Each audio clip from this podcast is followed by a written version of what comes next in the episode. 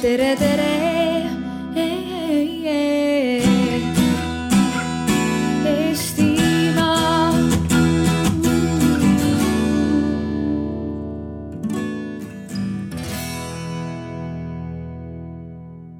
Tere, armas rahvas siin Paide Vallimäel. tere, head inimesed, kes te vaatate meid veebiülekande vahendusel. hoolimata koroonapandeemia olust ja esimesest lainest oleme me suutnud Paides jõuda ikkagi nii kaugele, et toimub arvamusfestival. kaks päeva äh, avaldatakse Paides tugevalt arvamust, loodame, et sünnib väga äh, huvitavaid ja loodetavasti ka geniaalseid mõtteid ja nagu äh, tavaks saanud arutlevad Arvamusfestivalil ka erakondade esimehed ja just nemad on praegu siin laval. ärge ka- kartke elada kaasa oma lemmikutele. Ma tutvustan äh, teile kõiki tä tänaseid debatis osalejaid. Martin Helme Eesti Konservatiivsest Rahvaerakonnast. Helir-Valdor Seeder, Isamaa erakonna juht. Kaja Kallas, Reformierakonna juht. Indrek Saar, Sotsiaaldemokraatliku Erakonna esimees. Kristina Kallas, Eesti kakssada juht. Ja Züleyxa Izmailova, Eestimaa Rohelised juht. et tegemist on erakonna, erakondade juhtide aruteluga, siis olgu ka öeldud ära, et Keskerakonna esimees Jüri Ratas oli kutsutud siia arutelule, kuid paraku ta töökohustuste tõttu ei saa täna siin kaasa arvata seevastu saate, head inimesed, teie kõik kaasa arvata, kaasa mõelda ja küsida ka küsimusi. selleks oleme me võimaldanud ERR-i uudisteportaalil aadressil err.ee sellesama otseülekande kommentaariumis teil esitada küsimusi ja need küsimused, küsimuste esitamiseks te ei pea ennast erandkorras autentima. ehk siis te saate minna sinna kommentaariumisse ja selle küsimuse sinna sõnastada ja mul on väga hea meel, et küsijate küsimustel hoiab pilku peal ja valib neist parimad ja esitab need äh, kõlava häälega Arvamusfestivali üks korraldajatest, Alari Rammo. Tänases arutelus keskendume me sellele, mis on viimase aasta jooksul meie ümber toimunud ehk peamiselt äh, räägime koroonakriisist ja kolm teemaplokki on koroonakriisiga hakkama saamine ja mõju tulevikule majanduse olukord kriisi järel ja lõpuosas läheme ja kõneleme ka poliitika tegemise viisidest. Et minu jutt ei läheks liiga pikaks, siis läheme meie tänase õhtu peategelaste juurde. Ja esmalt, esmalt proovime siis suunatud küsimuste abil aimu saada, et mida te siis viimase aasta jooksul olete korda saatnud, teie töövõite ja et siin ümmarguse jutu mehi ei ole, siis loodan, et vastused on konkreetsed ja selged. Kristina Kallas, alustame siis teist, et võib vist öelda, et Eesti kakssada on, suurim töövõit on vaikimine, et, et nagu mina aru saan, siis teie juhtliikmed istuvad mere ääres, püüavad kala ja toetus kasvab nii, et mühiseb. no ma ei tea, üks suur võit näiteks oli see, et pärast väga pikka ja vaevalist läbirääkimist saime me kontoriruumis lõpuks ka pirnid ära vahetatud laes nagu roheliseks, et see läks meil ilgelt kaua, võttis aega, aga tehtud ta sai. aga noh, toetus kasvab, toetus kasvab sellepärast, et iga kord ei pea igas jumala kakluses rusikatega vehkima, ma arvan et äh, nagu öeldakse, et valige oma lahingud, milliseid lahinguid te peate ja noh, meie jaoks on need lahingud kõik seotud äh, sellega, mis seostub tulevikuga ja tulevikus toimuvate asjadega, et me ei lähe igasse lahingusse. me ei võta igas lahingus ka eh, sõna. ja me, me oleme erakonnana kasvanud, me oleme üks, üks, kui mitte ainuke erakond, kes on kasvanud, meil on nii palju liikmeid juurde tulnud. nii et äh, meil on olnud väga hea aasta, meil on meeskond äh, tugev, meil on meeskond täis energiat. nii et või võib-olla aasta tagasi me olime veel sellises seisus, kus me tundsime, et noh, et kas me nüüd lähme edasi või mis me nüüd edasi teeme, me olime kergelt sellises äraootavas olekus, siis täna me oleme kõik väga võitlusvalmis, nii et ma hindan nagu seda aastat Eesti kahesaja jaoks väga heaks. Indrek Saar, ega teie jaoks see vist hea uudis ei ole, et vaikimisega saab ka toetus kasvama panna, sest teil ei ole see pooleteist aasta jooksul ju kuidagi õnnestunud, et kuuldavasti ainult erakonna juhtliikmed omavahel enam läbi ei saa, vaevu mahuvad ühte ruumi, kas on nii? Ei, see nüüd, see viimane väide kindlasti tõele ei vasta, et erakonna juhtliikmed saavad väga hästi omavahel läbi ja paljud neist on siin ka ja ma arvan, et pärast seda debatti ka täiesti mitteformaalses õhkkonnas suhtlevad omavahel edasi ja arutavad seda, mis nad siit kohalt kuulsid ja mis tänasest päevast on kaasa võtta.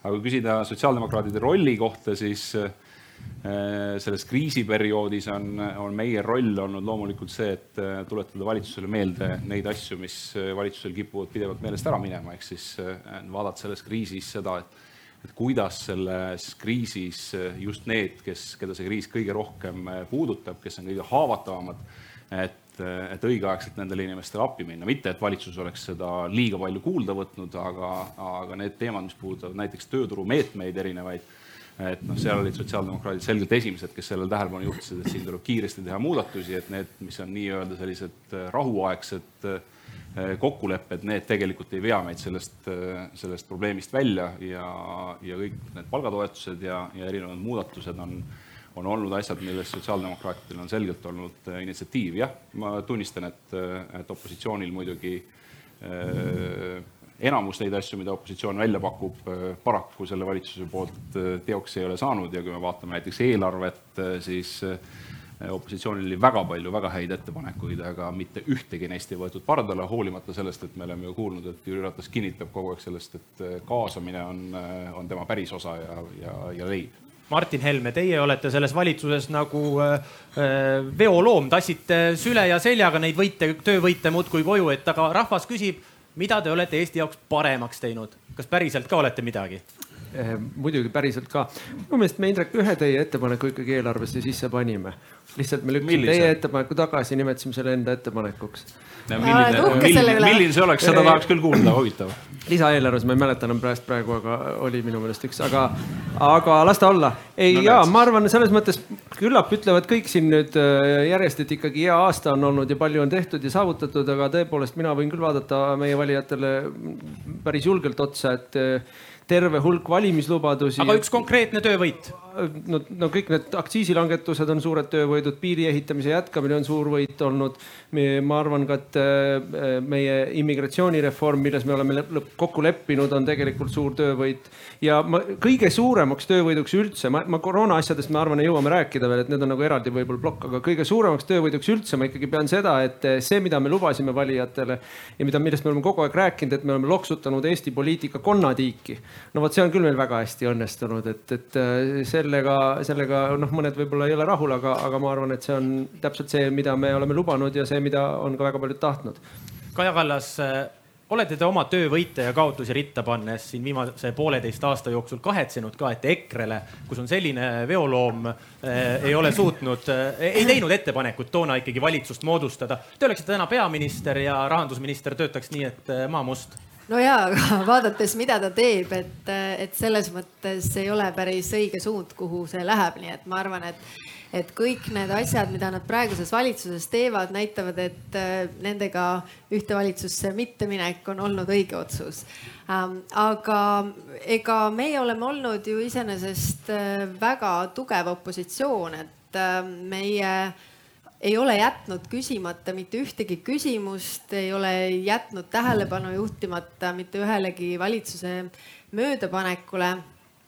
ja, ja oleme teinud seda tööd, mida opositsioonis ähm, tegema peab, nii et äh, ma olen samamoodi väga uhke meie meeskonna üle, et ähm, eks endal ka on see hirm olnud, et kas motivatsioon läheb alla, aga ei ähm, Eesti parlament on selles mõttes huvitav, et meil ju ei ole eh, assistente nagu teistes parlamentides ja meie inimesed on tõepoolest eksperdid, teevad seda tööd täie pühendumusega ja, ja väga põhjalikult, nii et ma arvan, et selle eest, selle eest igal juhul meie meeskond väärib küll tunnustust Züleyxa Izmailova Eestimaa Rohelisi ei ole parlamendis, nii nagu Eesti kahtesadatki. et huvitav, mis teie siis teinud olete, et vastutus pole, mõni tegu on?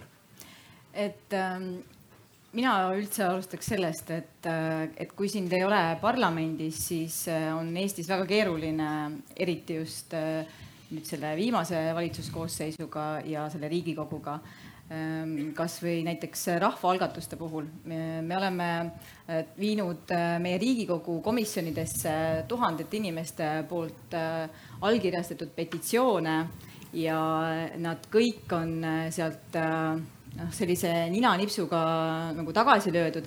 et näiteks viimane selline hea näide on meie mahetoidu käibemaksu alandamise petitsioon, mis siis maandus majanduskomisjoni ja, ja mille, mille siis istungist ma ka ise osa võtsin ja nägin Äh, millised eksperdid äh, seal on, et ma ei ole sellega nõus, et, et, et Riigikogus äh, on, oleks nagu liiga palju eksperte praegu. et, et näiteks seesama mahe toidu käibemaksu alandamise küsimus on, sisaldub ka Euroopa rohelises kokkuleppes ja seda nimelt seetõttu, et meie toidusuveräänsuse tõstmine on väga oluline küsimus kliimakriisiga võitlemisel ja ja kui me räägime sellest äh, koroonakriisist, siis äh, ja sellest taastumisprotsessist, siis see on alles selline nagu äh, proovikivi, et kuidas me saame, kuidas me peaksime hakkama saama äh, kliimakriisiga ja ma ei ole nagu väga äh, ma julge, ma ei julge öelda, et me oleksime nagu väga hästi hakkama saanud ja, ja võib-olla need hullemad asjad on veel ees. ja kui rääkida sellest äh, nagu parlamendivälise erakonna tegude saldost, siis pigem on see nagu negatiivne. et kui me vaatame, mis meie metsadega toimub, on ju, et siis metsaraie on, on hoogustunud, me ei ole mitte kunagi Eestis nii palju metsa raiunud ja, ja seal kohapeal on nagu auk aitüma. Äh, Helir-Valdor Seeder, et teil valitsuses kindlasti palju töövõite, aga paljusid huvitab hoopis see, mis parempoolsete tegemistes on, et, et kas te segased sõnumid, et kas te olete siis näoga parempoolsete poole või seljaga parempoolsete poole, kui te olete seljaga parempoolsete poole, kas te pole mitte siis vasakpoolsete poole? me hakkame ka nüüd ju kasvama kohe. et kui siin kolleegid rääkisid, kuidas parteid kasvavad, meil ka nüüd Helenius astub parteisse ja partei hakkab nagu pärmi peal kasvama. et ei ole viga. mis erakonna siseelu puudutab, saame väga hästi hakkama, et erakond peabki olema elav organisatsioon, kus on erinevaid arvamusi, kus vaieldakse, et selline vaik elu kindlasti pikas perspektiivis ju erakonnale ka kasulik ei ole aga kuna küsimus oli töövõitudest ja, ja kõigilt küsiti töövõite, noh, väga palju neid ei räägitud, aga minu käest ei küsinud, aga ma just räägin töövõitudest siis. no lühidalt, üks töövõit, nii nagu no, Martin sai nimetada ühe. lühidalt on väga raske rääkida, kui neid nii palju on, aga kõigepealt loomulikult pensionireform, vaieldamatult. viimase kümne aasta suurim muudatus Eesti ühiskonnas ja, ja Riigikogus võtsime vastu, küllap me ta ka tulevikus kindlasti ellu viime. selge, suur aitäh selle. teine kindlasti pere, perepoliitika ääretult oluline ääretult oluline vanemahüvitise pikendamine järjestikku sündivatele lastele või elatusraha kiirem väljamaksmine, mis on seadustatud ja nii edasi. nii et, et neid võite ühe aasta jooksul on äh, palju rohkem, poolteist tundi ei võimalda siin seda kõike ette lugeda. lugesin täna artiklit, kus oli räägitud sellest samast äh, vanemahüvitisest, et äh, järjestikku sündivad laste puhul, et et vanemad just on kaotanud, et kui nad on liiga kiiresti sünnib järgmine laps, siis nad kaotavad isegi kolm kuud seda vanemahüvitist, et ei ole nii roosiline see teie töövõit midagi. oi ei, kiire repliik, kiire repliik ja siis läheme edasi. oi ei, ma soovitan, soovitan ikka seadustega kurssi viia, see annab võimaluse inimestel just nimelt äh, mitte kaotada sissetulekutes, et. seda artiklit, seda artiklit kommenteeris äh, ministeeriumi töötaja, nii et loovi, soovitan teil endal tutvuda seadustega, mida te teete no,. aga, aga läheme siit Läheme Just. siit edasi sisuteemade juurde. koroonakriis on see, mille järelmitest me nüüd edasi ikka kõneleme. Kaja Kallas, te ilmselt eh, ju nõustute sellega, et eestlased siin koroonakriisis said ju küllalt hästi hakkama, sellest šokist saadi üle. Eh, inimesed olid korralikud ja noh, kui nii läks, siis võib ju tegelikult riigijuhtidele ka pai teha ja ma arvan, et Eesti valitsus ju selle koroonakriisi alguses käitus nii, nagu enamus äh, Euroopa valitsusi käitus, võttis vastu selliseid meetmeid, meie ka opositsioonina ju toetasime sedasama Äh, sama liini. Äh, ma arvan, et suur aitäh tuleb tõesti öelda Eesti inimestele, kes on olnud nii mõistlikud ja, ja käitunud väga mõistlikult, aga ähm, kohe algusest natuke edasi läks see asi ju laperdama, hakati seda koroonakriisi ära kasutama selleks, et viia ellu oma poliitilisi unistusi, millega ei ole selle kriisiga mitte mingit seost, kui me meenutame kasvõi äh, teise pensionisamba maksete peatamist näiteks või siis hakati ehtima ennast nende sulgedega, öeldes, et see ongi nagu meie raha, mis me oleme laiali jaganud. et äh, noh, neid samme, mis tehti siis vales suunas, oli ikka väga palju või esimene asi, mida tehti peale seda, kui äh, lõppes siis eriolukord, esimene seadus, millega valitsus tuli, oli kaotada ära erakondade rahastamise järelevalve komisjon. et äh, noh, sellised asjad ei ole nagu kuidagi selle kriisiga seotud. Martin Helme, nõustute selle kriitikaga? no üldiselt ei, ei üldsegi mitte, ma, ma ei saa muidugi aru, et kuidas koroonasse on seotud ülejäänud parlamendi töö, aga kui me räägime koroonast, siis kelle poliitilist ideid me siis ellu peaksime viima, kui mitte enda oma, ega ometi äkki opositsiooni oma. et see, noh, see etteheide küsimus... mulle on täiesti arusaamatu, et millist plaani me siis oleks pidanud. selge on see, kõigepealt on kriis, kriisist tuli kiiresti teha esimesed otsustavad sammud, me tegime selle ära, saime minu meelest väga hästi hakkama. Ja, ja Eesti inimeste kaasabil, ma olen täiesti nõus, et Eesti inimeste distsiplineeritus ja, ja arusaamine või, või noh, arusaamine sellest, kui keeruline olukord on, oli, on, on noh, väga-väga äh, oluline osa sellest kõigest ja, ja, ja siis hakkasime tegema järgmisi samme, mis on pikema plaaniga, ütleme need meie majanduspaketi meetmed ja siin loomulikult tekivad äh, maailmavaatelised või, või siis ka poliitilised valikukohad, mis ei ole enam nii universaalsed, et need kõigile peaksid meeldima, et, et see etteheide, et te teete asju nii, nagu teile meeldib, noh, mulle on täiesti mõistetamatu, teemegi ju loomulikult. ei, küsimus oli ju selles, et kui äh, meil oli lisaeelarve arutelu, mis oli väga kiired meetmed, väga kiired otsused, mis oli vaja teha just lühiajaliselt, mitte pikaajaliselt, siis sinna paketti te panite asju, millel ei olnud mingit seost selle kriisi lahendamisega langetamisega. no näiteks äh, jah, ma, ma tean väga hästi, teie saame... arvates ei ole diisliaktsiisi langetamine seotud äh, kriisiga, eks ole, aga mina vastupidi arvan, et see on väga oluliselt seotud. no kuidas äh, teise samba pensionimaksete peatamine on näiteks seotud,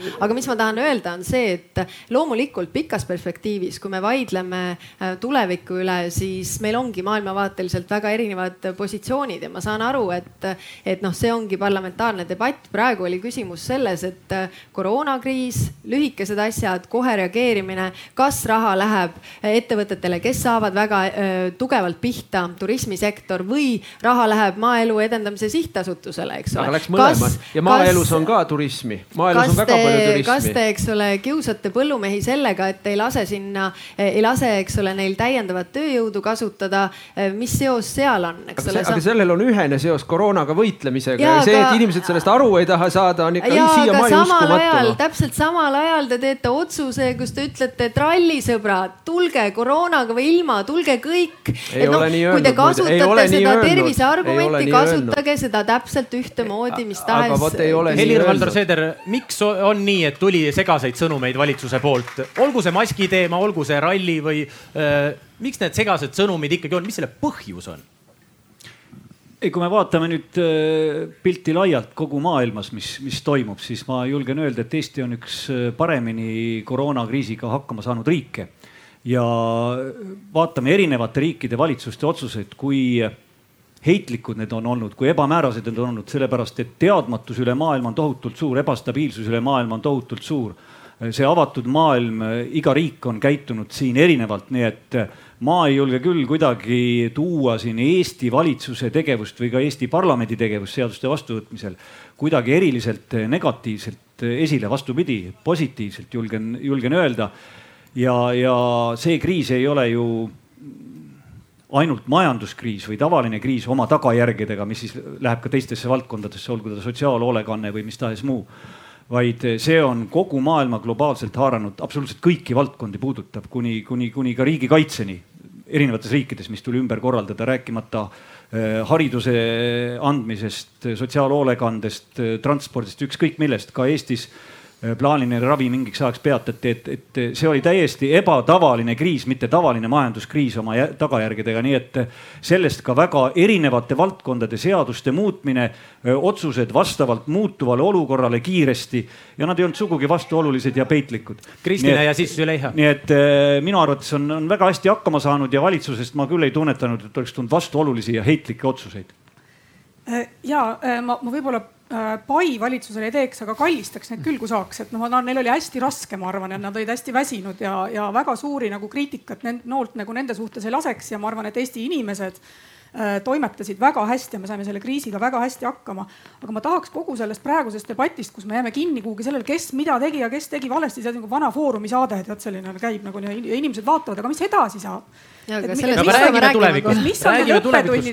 räägiks parem sellest, et mis on need õppetunnid, mida me sellest asjast kõigest kaasa võtame. Ja ma arvan, et seal on väga palju asju, mida me oleks, saaksime tulevikus teistmoodi teha. et meil juhtus lihtsalt praegu see, et me väga pingutasime kõik ja valitsus väga pingutas ja, ja, ja juhid pingutasid ja siis tuli suvi peale ja siis me lasime niimoodi kõik nagu väga puhkusele, aga kohe algab kool ja meil on äh, koroonakriisist äh, väga tõsiselt midagi õppida sellest, et kuidas me sügisel hariduse, haridusega edasi läheme, mitte ainult sügisel, vaid üldse pikas plaanis, kuidas me haridusega edasi läheme. meil on, meil ei ole Terviseametil vist ikka veel juhti, on nii või? Et, äh, et, et ühesõnaga, et need asjad on läinud liiga aeglaselt, me oleme, me oleme vahepeal liiga. kuidas teil selle pirni vahetamisega läks muidu? noh, meil läks pirni vahetamisega õudselt aeglaselt, aga see oli üks töövõit, lõpuks saime hakkama, kusjuures rohelise pirni keerasime sisse, nii et nagu meie panus rohepöördesse. et äh, mulle tundub, et me võiksime, me peaksime tegelikult kiiremini neid asju tegema, peaksime kiiremini tegelema hariduses muudatustega, mis meil vaja on, me peaksime Terviseameti nii-öelda võimekuse kasvatamisega oluliselt kiiremini tegema, kui seda täna oleme teinud, me peaksime majanduse investeeringutega oluliselt kiiremini tegutsema. ma juhin tähelepanu, eile aga... eraldas valitsus miljon eurot Terviseametile juurde just nimelt selle jaoks, et ta saaks võtta juurde inimesi tööle. Need puudujäägid, mis on aga selgunud. miks te üleeile seda ei teinud? ei no me oleme varasemalt ka eraldanud ju lisavahendeid vastavalt sellele, kuidas on tulnud konkreetsed äh, taotlused, ega siis äh, pole ju mõtet minna, panna rahakotti laua peale või rahahunnikut laua peale, öelda vaadake, mis te sellega teha saate, et äh, inimesed peavad kõigepealt välja arvutama, mis neil puudujääk on või mis neil vajadused on, selle meile kõigile maha müüma valitsuses.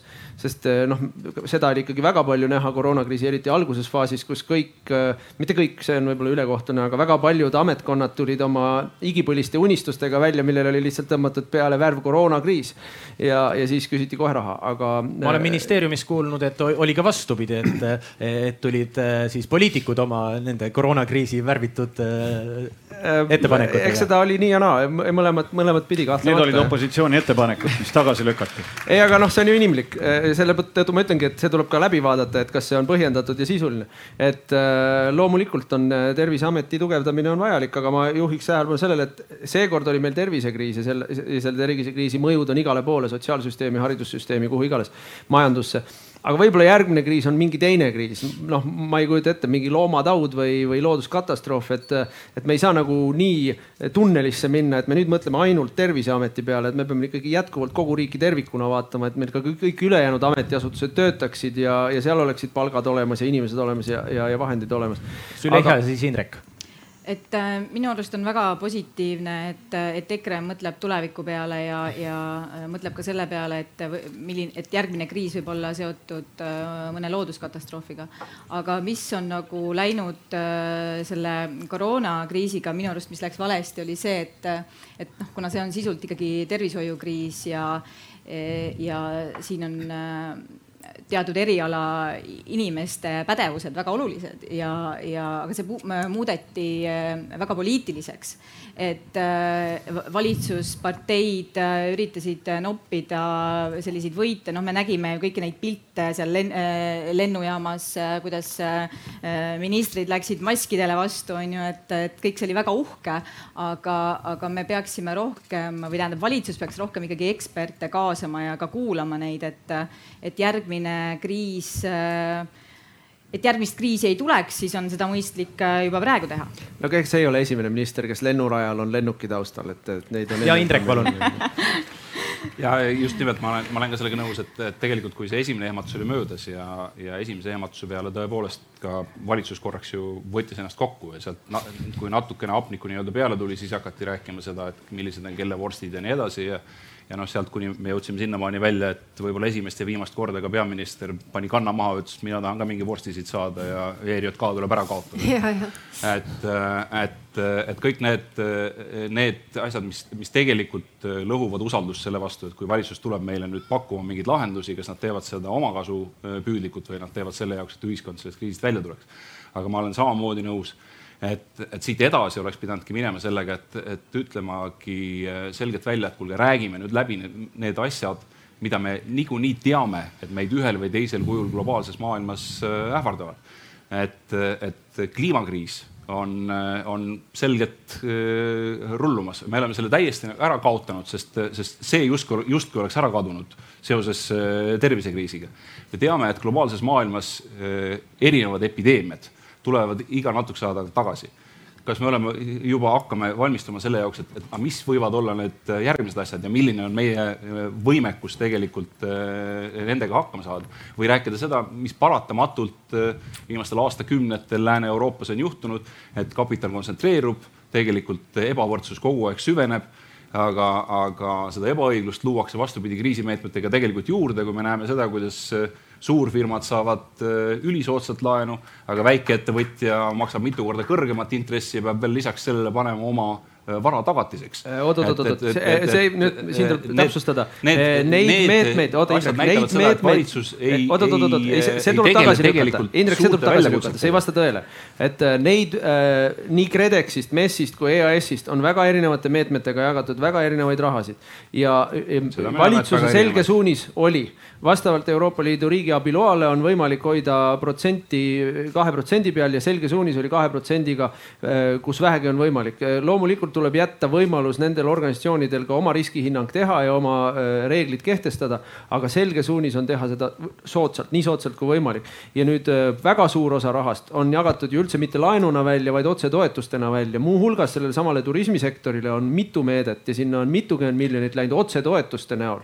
nii et äh, selles mõttes võib-olla need summad kõigile ei jõua kohale, aga sektoritega on läbi räägitud, sektoritega on need meetmeid kokku lepitud ja ei ole niimoodi, et midagi keegi ei ole saanud, osa raha on saadud täiesti niisama, lihtsalt tagastamatu abina, osa on olnud käendused, osa on olnud laenud. nii et selles mõttes see kriitika tegelikult. me, me tuleme majanduse li... juurde kohe selles teises plokis, aga kas te möönate seda, et tegelikult selle koroonakriisi praegu esimese laine me elasime üle, olime seal kodus e-koolis ja noh, väga raske oli, aga tegelik selline tagasilöök, olgu see sotsiaalne tagasilöök koolis tööle minevad noored, kes täna jäävad siis töötuks, et see sotsiaalne tagasilöök tuleb palju hiljem, on see nii?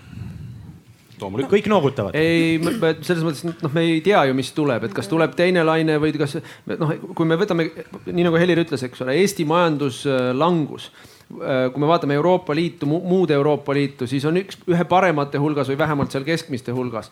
Eesti tööpuudus on samamoodi. Äh, nüüd, mis edasi saab, sõltub väga palju sellest, mis juhtub meie peamiste majanduspartneritega, mis teeb tervisesituatsioon maailmas üldiselt.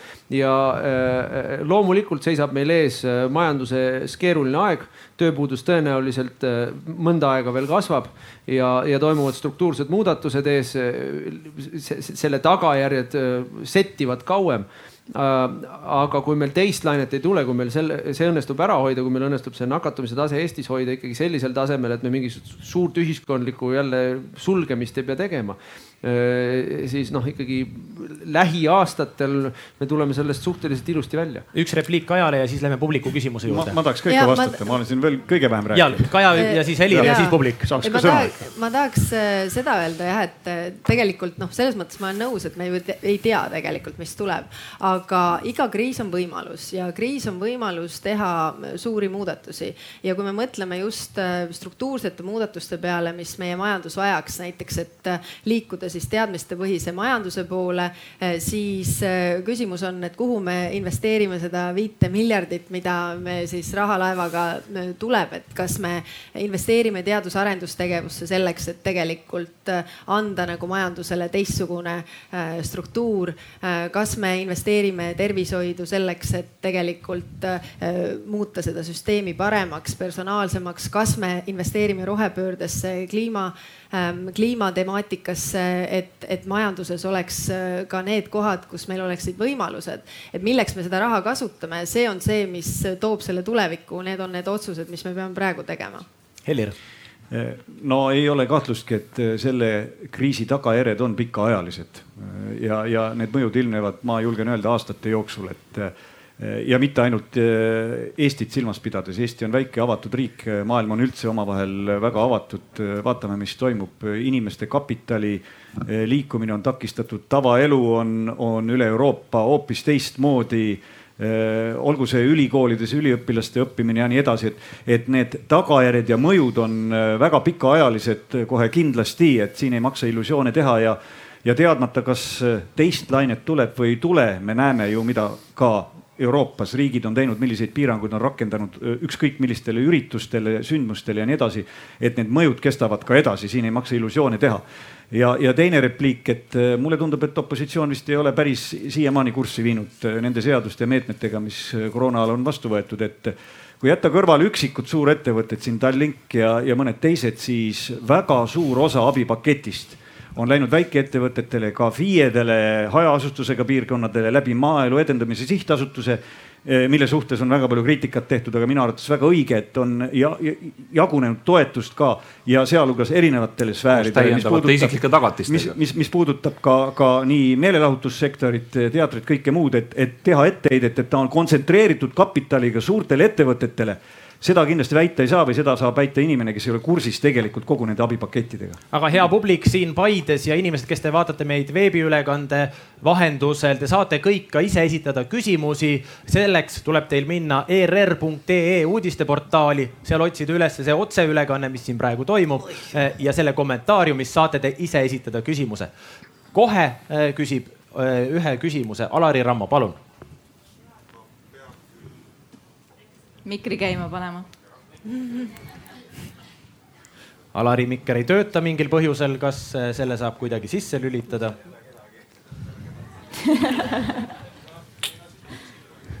siis äh, sa ei küsi praegu, saad sa mulle kokkuvõtte teha sellest küsimusest? Ei suuda, selge. aga läheme sinna majandusse, kuhu te kõik juba tahtsite riburada järjest minna, et tõesti, me täna oleme siis olukorras, kus äh, laenurahas tegelikult äh, skeptiliselt suhtuv Eesti on laenanud üle kolme miljardi euro äh, sissemaksed pensioni teise sambasse on peatatud, erinevatele ettevõtjatele on makstud hulgad toetusi, alates siis Tallinkist, lõpetades Porto Francoga ning ka paraku töötute arv kasvab, et, et selles mõttes kas sellest negatiivsest pildist hoolimata, vaadates siis nüüd selle nädala uudiseid, kus maksulaekumine riigile, riigile on prognoositud parem, siis tegelikult meetmed ju töötasid. kas opositsioon nõustub sellega? Porto Franco Tallink siiski said laenu, mitte toetust, vaid laenu. just.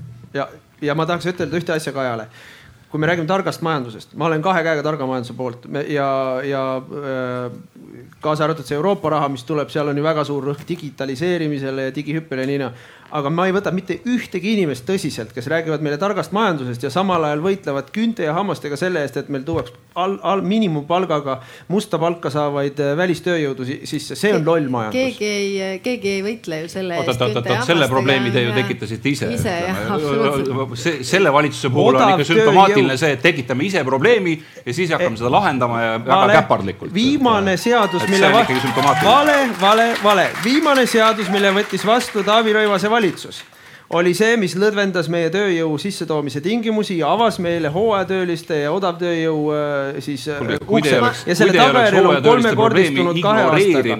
Äh, kuude kaupa ei ja lõpuks olnud sunnitud seda viimasel hetkel tegema ja siis ka väga käpardlikult. mille tulemuseks on see, et Eestis on tekkinud mingisugune hulk ettevõtteid, kes ei taha, ei oska ja ei saa ilma odavtööjõuta ja see ei ole tark majandus ja see tuleb ära lõpetada, see strukturaalne probleem tuleb ära lõpetada. aga miks te siis üldse neid sisse lasksite?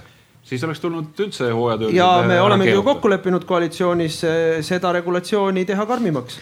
Züleyxa, kas, Züleyxa, Züleyxa, kas eh, on teie kuuerevääril ka käidud nutmas põllumeeste poolt, et EKRE rikkus Eesti põllumajanduse ära?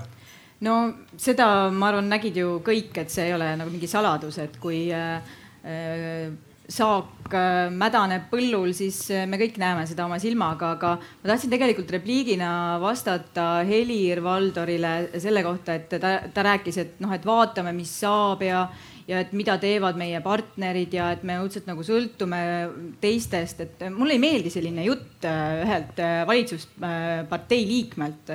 et nagu vaatame, mis saab, minu arust me peaksime ise. ma nagu ei ole kordagi öelnud, vaatame, mis saab. ütlesid küll, ütlesid, ma istun siinsamas kõrval, ma kuulsin, kuidas sa ütlesid, et vaatame, mis saab. sul on võib-olla et, mõne äh, raadioväljaande peale keeratud ja, mikrofon muidugi, ja, ja kõlarid, et ma ütlesin, et maailm on avatud ja me sõltume okay. kogu maailmast, mitte et me vaatame, mis saab. ei no tuleme jah aga ärme tsiteerime kolleege valesti. et, äh, et minu arust äh, meil on nagu väga oluline vaadata, et kuhu me paigutame selle laenuraha, et me kindlasti ei paigutaks seda sellistesse äh, meetmetesse, mis suurendavad kriisi, mis suurendavad kliimakriisi ja.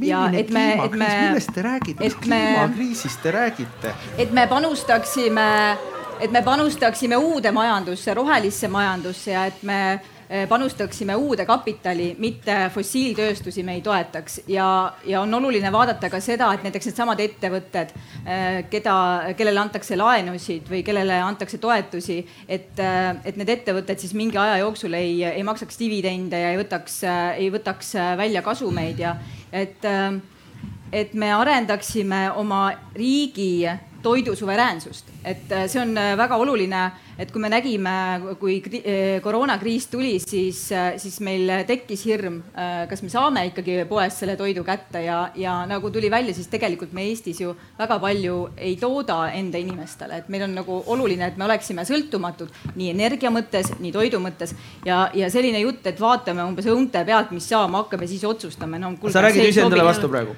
esiteks, kui me, kui sa arvad, et meil Eestis ei toodeta sööki, siis toodetakse küll ja toodetakse ekspordiks ka, kusjuures põhilisi asju just toodetakse, toodetakse nii sealiha, loomaliha, kanal, kanaliha, piima, kõiki neid asju toodetakse, nii et toidame iseennast ära ja läheb veel ekspordiks ja nüüd no,. ma ähm, pean sind äh, parandama, äh, päris nii see ei ole. kõik, kõik võib-olla, kõik valdkonnad mitte, aga põhimõtteliselt nende põhiliste asjadega me toidame ja. ennast ise ära. piimateraviljaga küll ja teraviljas ka valikuliselt muidugi teatud sortidega. aga no, äh, Eesti ei jää nälga mitte mingil juhul, see ainus, mis no. meil on allapoole oma nii-öelda varustatust noh, arvestataval määral seal umbes ainult poole ulatuses on, on vist köögiviljad, kui mul on no. õigesti meeles. Kristina Kallas. aga, aga, aga mis, mis su vastuolu on see, et ühest küljest sa ütled, et meil peab olema energiasõltumatus ja teisest küljest sa tahad meie energia sektori kinni panna. no vot niimoodi ei saa, seda saab ainult rääkida seda... mitte parlamendis olev opositsioonierakond. Äh, see on tänaseks on juba selge, keegi ei vaidle enam sellel teemal, et, äh, et kliimamuutused on reaalsus. mina vaidlen. ja sina võib-olla vaidled, sest et sa, sind ei huvita nagu, mis päriselus toimub, aga, aga tänapäeva reaalsus on see, et me peame äh, paigutama kõik raha, äh, kas siis äh, õiglasesse üleminekusse ja uude tehnoloogiasse. Kristina Kallas, kas toe, toetada fossiiltööstust. Kristina Kallas, kas kliimamuutused on probleem, aga kuidas majandusse tulevat raha ikkagi taastootma panna? kliimamuutused on probleem aga äh, minu arust peaksime me lähtuma selle raha puhul sellest, et see ei ole meie raha, tähendab, et see ei ole nende raha, kes istuvad praegu siin, mitte meie põlvkonna raha. see on meie laste raha, see on nende raha, nemad peavad seda raha tagasi maksma mis tähendab seda, et kõik, mis me selle rahaga teeme, peab olema nende jaoks. mitte meie jaoks, me praegu tegeleme ainult iseendaga. me oleme see põlvkond, kes tegeleb iseendaga. ehk siis, et me räägime küll ilusaid sõnu, et me peame nende laste jaoks midagi tegema, aga siis läheme ja teeme kõike iseendale kogu aeg. pidevalt lahendame oma probleeme see on minu kõige suurem etteheide sellele raha kasutamisele. nüüd teine asi on see, et äh, me oleme nii aeglased jälle, me oskame neid mm. sõnu, me, me oskame neid sõnu nagu se, siduda ja me igast ar arutelust teise arutelu läheme, räägime kliimast ja räägime rohepöördest. aga meil ikka ei ole plaani, et noh, ei ole valitsusel plaani, ei ole, ei ole tegelikult kellelgi suurt plaani et mis see konkreetsed mis... sammud on konkreetsete tähtaegadega, tempoga. tulge nõu ja jõuga appi, mis see plaan võiks olla? kuulge, Eestis on ju vastu võetud lausa areng. üks, üks kõneleja korraga. üks moment Äh, me tulime, esitasime maikuus juba oma nägemuse sellest, milliseid konkreetseid samme ja üsna kiire tempoga peaksime me selle laenurahaga tegema selleks, et nendel lastel, kelle raha see tegelikult on, oleks tulevikus nagu palju parem elada. me, valitsus on jõudnud nii kaugele, et on kutsunud kokku teadusnõukogu. väga mõistlik ja väga õige, aga mis sellest teadusnõukogust kasu on, kui raha on ära kulutatud juba? ma ei tea. aga ei ole ju. Martin. ei, ma tahtsin kõigepealt öelda, et meil on olemas ju lausa seaduse tasemel vastu võetud eh, energiamajanduskava, kus on meil eh, nii-öelda CO eesmärgid on kirja pandud, mis on palju ambitsioonikamad kui enamikel teistel. mis te, mis te nendest kavadest teete? aga me oleme ilusti ju graafikus me oleme ju ilusti graafikus. kiiremini, Martin, kiiremini. et äh, ei ole vaja kiirem, ei ole vaja kiirem, milleks kiiremini, miks me peame teistest Euroopa riikidest kiiremini jooksma sinna? alati peame, alati peame, Eesti pea. peab alati kõigist kiiremini ei, jooksma. kõikidest nendest kavadest hoolimata on ju investeerime me suurusjärk kolmsada miljonit õlitehasesse. väga mõistlik investeering, väga kasulik investeering. see investeering toob Eesti riigile nii palju tulu, et me saaksime tõsta pensionit kakssada eurot. kardeta, kardetavasti mitte. isegi see, see õli, õlitehas ei ole veel lõplikult kaugelt otsustatud. aga, aga, aga ma tuleksin head on... osalejad selle juurde, et katsume pakkuda siis ise häid ettepanekuid, lahendusi, mis võiksid need olla me.... Nad võib-olla ei kuula küll teid, aga proovida ju võib. me oleme ka neid ettepanekuid väga palju teinud, et äh, ma lihtsalt tahtsin öelda, et, et et ähm, Martinit kuulates tundub, et et, et Eesti on nagu mingi saar nagu, mis nagu teistest üldse kuidagi ei puutu, et noh, et, meie teeme siin mingit oma otsust, eks ole, põlevkivi ähm, osas, et me ei pea kuulama seda, et, et kuulge, et maailm läheb täitsa teises suunas ja need otsused lähevad väga kalliks nagu meile maksma, sellepärast et pärast seda energiat või, või õli keegi kokkuvõttes ei osta, et sellepärast, et see on nii kallis ja me oleme sinna raha pannud. ja siis me paneme sinna raha veel rohkem juurde, sellepärast et me oleme sinna juba raha nii palju pannud. see on nagu maapank läks pankrotti täpselt, et noh, et me ei saa nüüd ometi ju paneme veel rohkem raha. kuidas sellega läks, et, et me ei ole ju kuidagi, me oleme ikkagi nagu avatud maailmas ja me ei saa sulgeda seda riiki. aga Saksamaa avas kevadel kõige suurema söetehase, söeelektritehase üldse oma ajaloos. et äh, ma ei tea, kuidas me seal, mina ei näe, et me oleksime saar. pealekauba, ma sellest kriitikast tegelikult ei saa aru, kolmkümmend protsenti kogu Euroopa Liidu rahast, mis meile ette on nähtud, läheb rohesta-, roheasjadele. Äh, viiskümmend protsenti CO2 rahast, mis äh, riigieelarvesse läheb, läheb rohestamisele. me oleme kusjuures arvestades muid rohestamise asju, läheb riigieelarve toetamiseks. et muid asju teha, mida vaja on ka teha. et lappida kui, neid ta, auke. ei ole mingeid auke, no mis mõttes, mis auke, milliseid auke? miljardilise augu. riigieelarve on ju tervik, riigieelarve on ju tervik, noh Helir-Valdor Seeder, palun. ja siin on majandusplokk, ma sain aru. just. ja. kuulsite ju?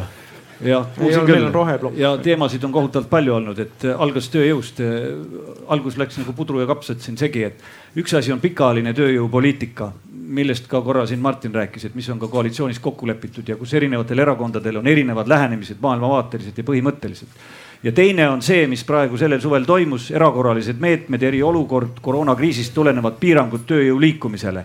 Ja neid kahte asja ei maksa segi ajada. ja, ja praegu selle suvine probleem on tulnud eelkõige nendest lühiajalistest piirangutest koroonast tulenevalt, kas me käitusime õieti või mitte, eks ole, siin olid ka erinevad arvamused, aga neid kahte asja ei maksa segi ajada. Nüüd, mis puudutab, äh, kelle raha täna me jagame, siis eks ikka just nimelt selle tänase põlvkonna poolt loodud, ühiselt loodud äh, raha ja väärtust, mitte meie laste poolt loodud raha, see ei ole meie laste raha, see on meie raha. ja, ja meie, luba, ma lõpetan ka ja, meie vastutus on seda raha võimalikult äh, mõistlikult, efektiivselt, targalt ja ettevaatavalt kasutada. ja, ja see, mis puudutab laste raha, on ikkagi laenatud raha ja täna peab ütlema, et äh, parlament on andnud väga suure mandaadi valitsusele, suurema kui kunagi varem vabaduse valitsusel laenu võtta seda mõistlikult äh, kulutada. kogu laenu, kogu mandaati loomulikult ära kasutatud ei ole ja see on minu arvates väga õige. Äh, ja ma ei ole päris nõus sellega, kui öeldakse, et toetame ainult äh, oma tänaseid ettevõtjaid ja panustame infrastruktuuri, et see kindlasti aitab täna ettevõtjaid ja, ja majandussektorit kriisi üle elada. aga meil on hästi oluline, et, et pärast kriisi ka majandus taastuks, sest need laenud on vaja tagasi maksta, et me kõige targemal moel ettevõtlust toetame ja siin noh, mina arvan, et ei ole küsimus ainult poliitikute valikutes, vaid väga õige viidati, siin on eksperdid, siin on rakendusasutustel hästi suur roll, EAS, MES, KredEx, kus on eksperdid, kelle me peame kaasama, et, et just õigetele meetmetele panustada Kaja ja siis Indrek. ja, eh, ma tegelikult äh, tahtsin kõigepealt sellel vastu vaielda ja toetada Kristiinat, aga Helir-Valdor jõudis ka sinna, et äh, jah, see laenatud raha, see viis miljardit, mida laenatakse, see on ikkagi laste raha ja kui me võtame, et see on neli tuhat eurot iga inimese kohta Eestis, olgu ta imik või rauk, siis neli tuhat eurot tagasi maksta igaüks meist on ikkagi päris suur summa. et kui selle peale niimoodi hakata mõtlema, aga ma tahtsin selle kohta öelda, et jällegi, kui tulevikku vaadata. pensioni teise samba kaotuse kõrval on see muidugi köki-möki äh, ja no see on täiesti eraldi debatt, kuhu me min minema ei hakka, et äh, teise pensionisambaga äh, ja, ja laste tulevikuga ütleme seda kokku siduda ei ole ka kindlasti nagu mõistlik, igal juhul on see tulemus negatiivne. aga ma tahtsin öelda, et tulevikku vaadates, et kui ähm, mida me selle rahaga teeme. et noh, meie ettepanek oli näiteks ka ähm, teha rakendusuuringute keskus just selleks, et, et tegelikult meil on väga heal tasemel baasteadus ja, ja meil on ettevõtted, kellel tegelikult kus vahel siis tähendab, on, on selline lünk, et äh, baasteadusest nii-öelda sellele innovatsiooni äh, ei jõua väga palju. ja kui me vaatame riike üle maailma, kes on globaalses innovatsiooniindeksis kõrgel kohal, kes on väga head majandused, kus on hea elada, siis nad kõik investeerivad väga palju teadus-arendustegevusse ja just läbi selle rakendusteaduse, mis, mis aitab siis sellest teadusest teha nii-öelda innovatsiooni ja ja noh, need on sellised asjad, mis jah, ei too sulle kohest kasu. et kui me räägime eh, ühelt poolt eh, nagu sa ütled, pudru ja kapsad, et me räägime nendest eh, väga kitsastest meetmetest, mis on lühiajalised, aga me peaks vaatama selle viie miljardi osas ikkagi nagu pikaajaliselt ja, ja seesama meie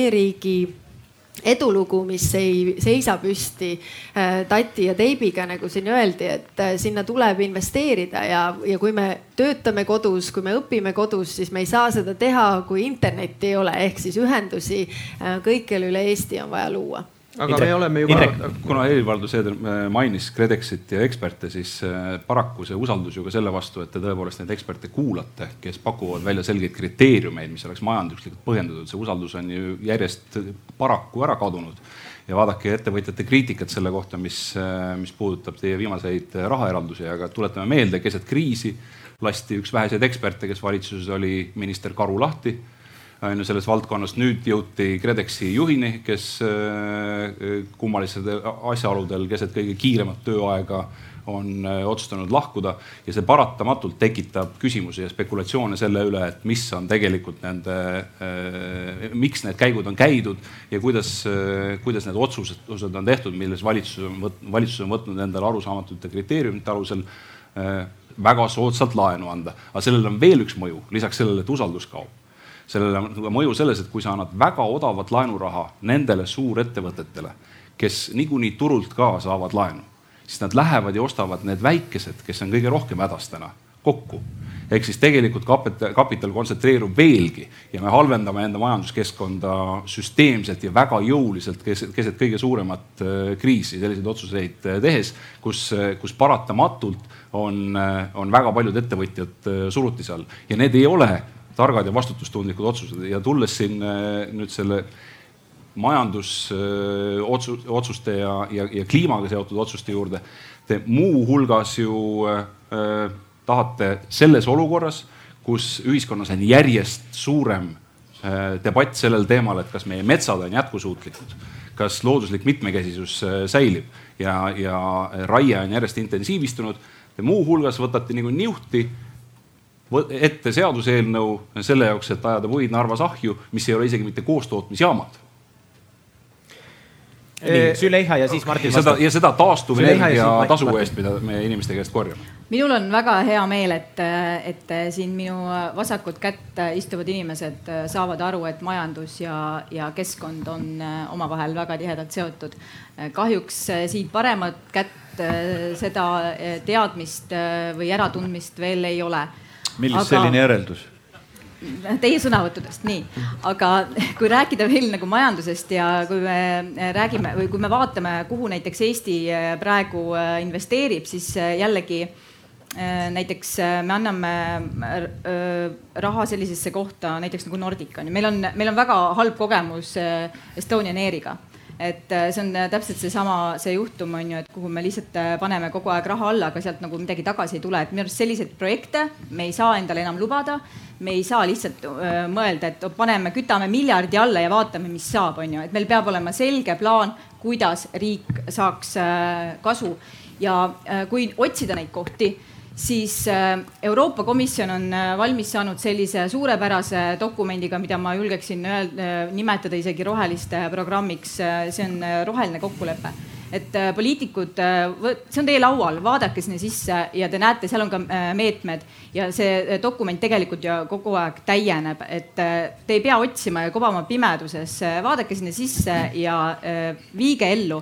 üks probleem selle dokumendi puhul on muidugi see, et selle tähtaeg on kaks tuhat viiskümmend. nii palju aega meil ei ole oodata, me peame tegema kannapöörde praegu ja investeerima rohelistes, rohelisse majandusse. Martin.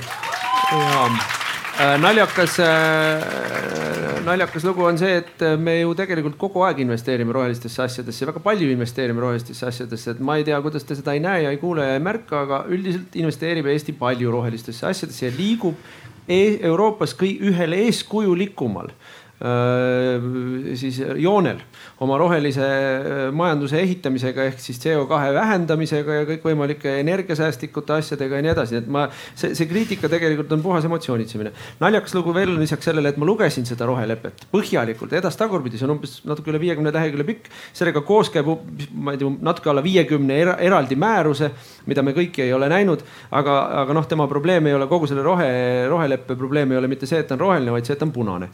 nüüd ma lükkan tagasi nagu Indreku väited siin, mingid eksperdid ei kritiseerinud Porto Francot, ükski ekspert, kõik olid konkurendid. Kõik viimseni olid konkurendid, kes seda kritiseerisid. Ja Lehari Küti lahkumine, nagu sa isegi ütlesid, äh, noh, ilmselt, äh, ilmselt nagu ei pruugi see välja paista Äh, küll alguses räägiti, et koroonakriisi ajal valitsuse liikmed olid äh, suure tööpinge all, aga mitte ainult valitsuse liikmed, väga paljude asutuste ja riigiasutuste töötajad ja juhid olid täpselt sama suure pinge all. ja sama kehtib ka KredExi puhul, et inimene võib ka ära väsida lihtsalt ja äh, ei läinud ära tüliga. tõsi, selles osas, missugune peaks olema KredExi roll tulevikus on nõukogu sees olnud palju arutelusid ja tõsi on ka see, et on olnud, ka te ise just kritiseerisite siin tänasel debatil ju seda, et see raha ei ole piisavalt kiiresti majandusse jõudnud. ka seda rahulolematust on KredExi nõukogus väljendatud. Äh, aga ma ei ole nagu tegelikult äh, sisulist kriitikat kuulnud et, et me oleksime nagu kuidagi väga põhimõtteliselt valesti lähenenud selle majanduse elavdamisele, et, et muidugi võib nokkida siin ühe või teise üksikotsuse kallal. aga arusaamine sellest, et meil on suur majanduslangus, mille käigus peab riik majandust elavdama ja selle majanduse elavdamise põhivõti on ettevõtluse aitamine ja tööhõive hoidmine.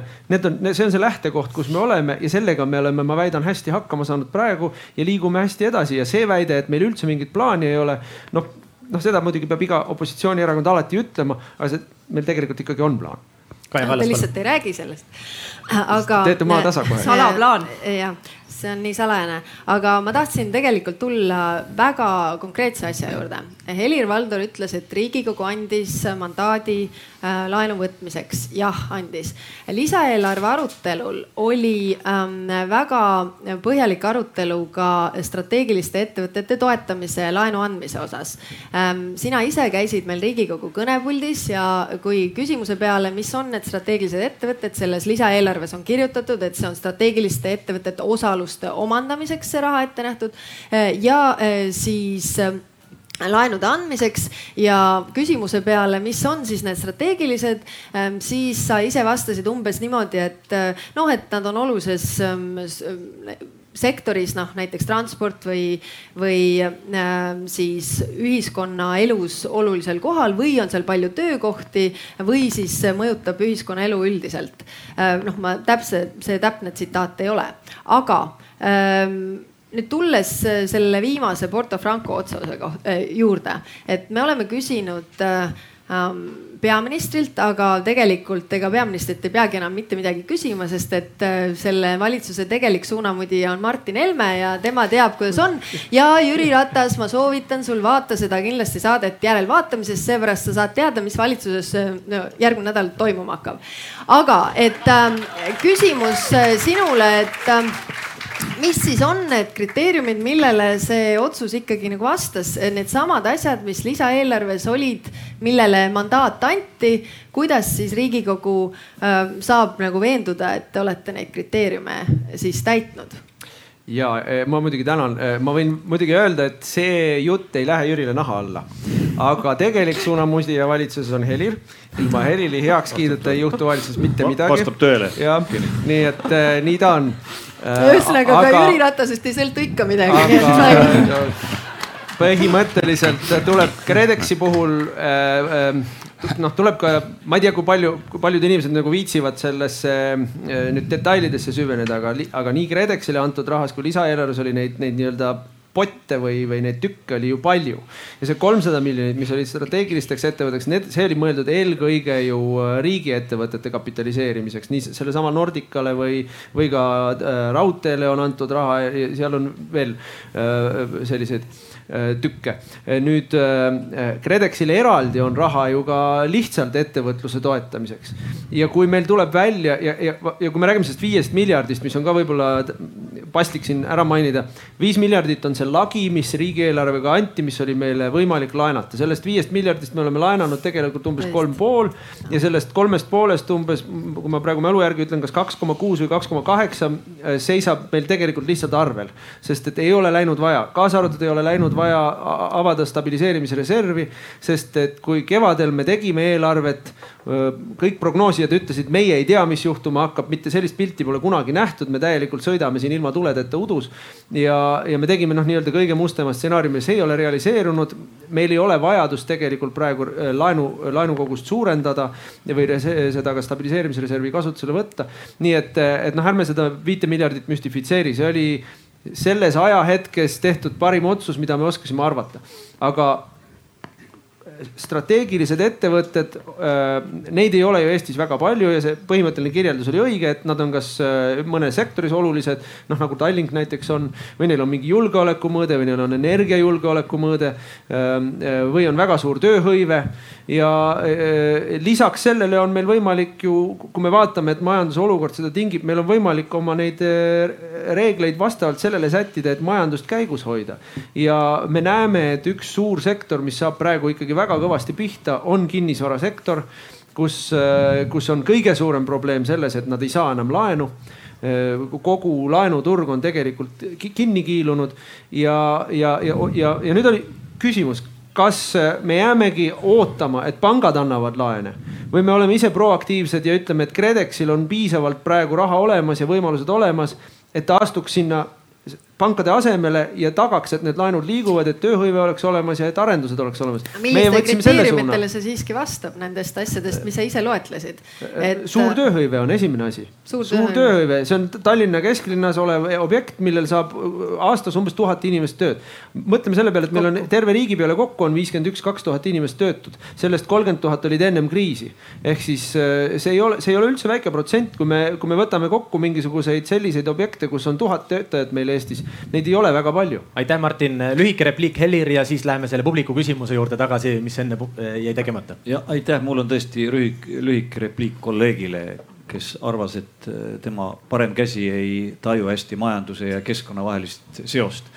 et ähm, just nimelt uus mitte Euroopa... minu parem käsi, vaid äh, need kaks ja, inimest siin istuvad. parem käsi, parem käsi ei mõista, et äh, praegune Euroopa Komisjoni president, kes on Euroopa Rahvapartei liige ja juurtega ehk samasse erakonda kuuluv konservatiiv, kuhu kuulub Isamaa, on teinud ettepaneku süsinikneutraalse Euroopa kaks tuhat viiskümmend ettepaneku ja roheleppe taga initsiatiivina, mitte rohelised, et äh, väita, et äh, me ei taju ja ei tea äh, midagi keskkonna ja, ja majanduse seostest ja, ja ei hinda nii-öelda keskkonnaressursi säästlikku kasutamist no see ei eh, toetu küll mitte millelegi muule kui luulule.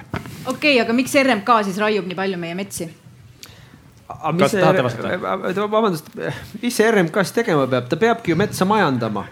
et RMK käes on umbes no, pool näed. kogu Eesti metsaressursist ja ta raiub seda siis, kui see saab küpseks või kui, kui see mets on muutunud kui äh, sa nii vanaks. saaksid ta... aru, mis seosed on ja. kliimaküsimuste ei, ei, äh, metsaga, siis sa minu käest sellist küsimust ei, ei, ei, vabandust. Äh, Malikul põhimõtteliselt ei saa aru sellest väitest, et RMK ei tohiks metsa raiuda. tähendab, kui keegi kuskil arvab, et Eestis ei tohiks üldse metsa ei, raiuda, siis, aga Raiu, siis, aga mida sa siis tahad RMK-st? Metsadebatti võib eraldi pidada. erakonna juhid, suur aitäh, praegu läheme Alari Rammo juurde, kellel on publiku küsimus. palun, Alari jumal tänatud, et see mikker enne ei töötanud, sest publiku äh, ootused sellele arutelule on üsna madalad aga, aga ma siis natuke räägin, mis siis rahva hääl on. näiteks härra Aabmets Äh, on juba eile äh, esitanud küsimuse, miks ei osale Jüri Ratas. temal hakkab tekkima kahtlus, et Jüri on peaministri töökohustuste täitmisest väsinud, aga ma ei esita seda, ma ei anna Kaja sulle järjekordset võimalust öelda Jürile halvasti. ma ei öelnud halvasti. talle on, talle on vastanud. Riho Roomet, et Jüri valib loomulikult kohustused, Arvamusfestival on tilulilu tsirkus ja täiesti sisutu tühi kargamine aga aitäh siiski kõigile siin, mitu tuhat inimest vaatab meid ka veebis, ühegi küsimuseta küll. Te olete kõik siis sisutud tühikargajad. siis tuli härra Volbergilt ähm, tähenduslik küsimus. kas Helme ja Seeder koordineerisid riietust? ütleme, et oli mul, oli mul endal sama küsimus, kui ma neid nägin, aga mind vastus absoluutselt ei huvita, nii et ma ei küsi ka seda. meil on valitsuses vormiriietus kehtestatud jah. ei olnud küsimust praegu veel. aga ma mõtlesin, et äh, arendan seda natuke edasi ja küsin hoopis niipidi igaühelt ja natuke paari kaupa, miks teid nii kuradi palju on mitte sellepärast, et me pidime neid raskeid diivaneid siin napilt kaadrisse mahutama ja kolm erakonda neist, kes võbelevad seal kuskil valimistel, on siit veel puudu, aga mis teid nagu eristab? Helir ja Martin, mis teie erakondi või ideoloogilisi hoiakuid eristab peale selle, et EKRE-l on neli korda suurem toetus kui Isamaal? sama küsimus Kristinale, Indrekule, mõlemad äh, ehitate omast arust sellist justkui haritud inimeste erakonda, aga kus need valijad on? kus valija ei tundu nagu tarkust ülemäära hindama, te lihtsalt sööte peamiselt üksteise toetust.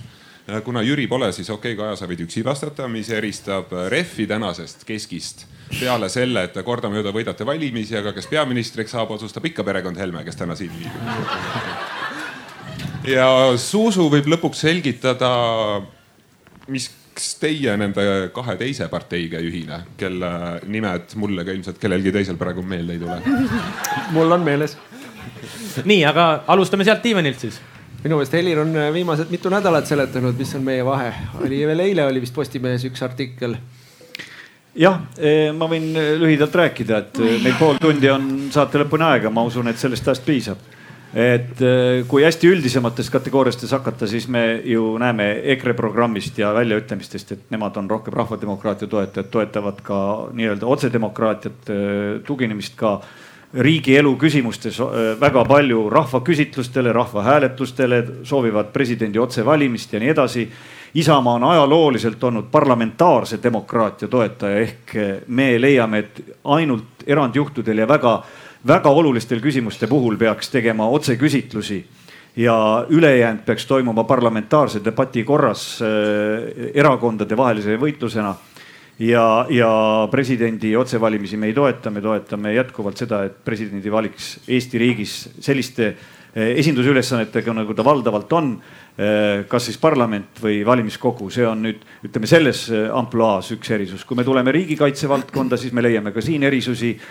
praegu on välja töötatud ka uus riigikaitse. kõiki valdkondi ei pea ükshaaval ette loeta. ei, ei no küsimus on, eks ole, pidevalt, et, et ma kõike ei loegi, aga, aga mõned toon siiski välja. et riigikaitse küsimustes, kus on uus riigikaitseseadus, kus meil käib vaidlus, me ei leia, et, et sellisel kujul ka sisekaitsereservi Kaitseliidu kõrvale peaks looma kes mäletab omaaegseid vaidlusi, kui Kaitseliitu taastati, siis oli suur vaidlus, kas Kaitseliit või kodukaitse. täna me oleme mingil määral jõudnud samasse seisu ja, ja Isamaa leiab, et Kaitseliidu kõrvale ei ole vaja teist vabatahtlikku sõjaväestatud organisatsiooni luua ükskõik millise sildi all ja nii edasi. aga me võime nendest küsimustest veel rääkida, meil on erisusi ka majanduse ja eelarvepoliitikas. me oleme kas te erinete eelarve ja, ja, ja.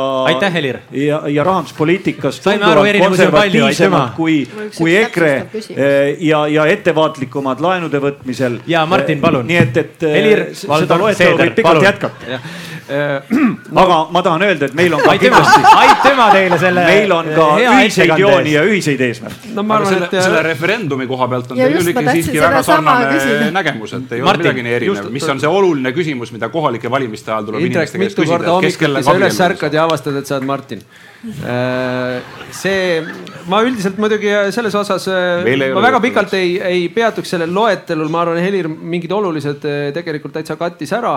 võib-olla ka sotsiaalpoliitikas on mingisuguseid erin-, erinevaid lähenemisi meil. ma ütleks, et põhierinevus on meil muidugi toonis, see on täiesti selge aga minu meelest on suurepärane, et äh, ka äh, nii-öelda samas poliitilises sektoris on konkurentsi. see, see, see on tegelikult äh, demokraatiale ja, ja igale erakonnale endale väga kasulik, et sul on kogu aeg vaja pingutada oma, et sa ei võta oma valijaid iseenesestmõistetavalt. et noh, võib-olla ma pikemalt siis. Kristina ja Indrek, mis teid siis eristab? erinevast soost ma vaatan. mõtleme erakondi siin. dresscode on ka täiesti erinev. nii, aga sisuliselt ma olen väga uhke selle üle, et, et me esindame inimesi, kes on haritud ja kes tahavad olla haritud, et ma, ma, ma arvan, et äh, Alari, ma, sa nagu solvasid Eesti valijad siin praegu väga tugevasti äh,.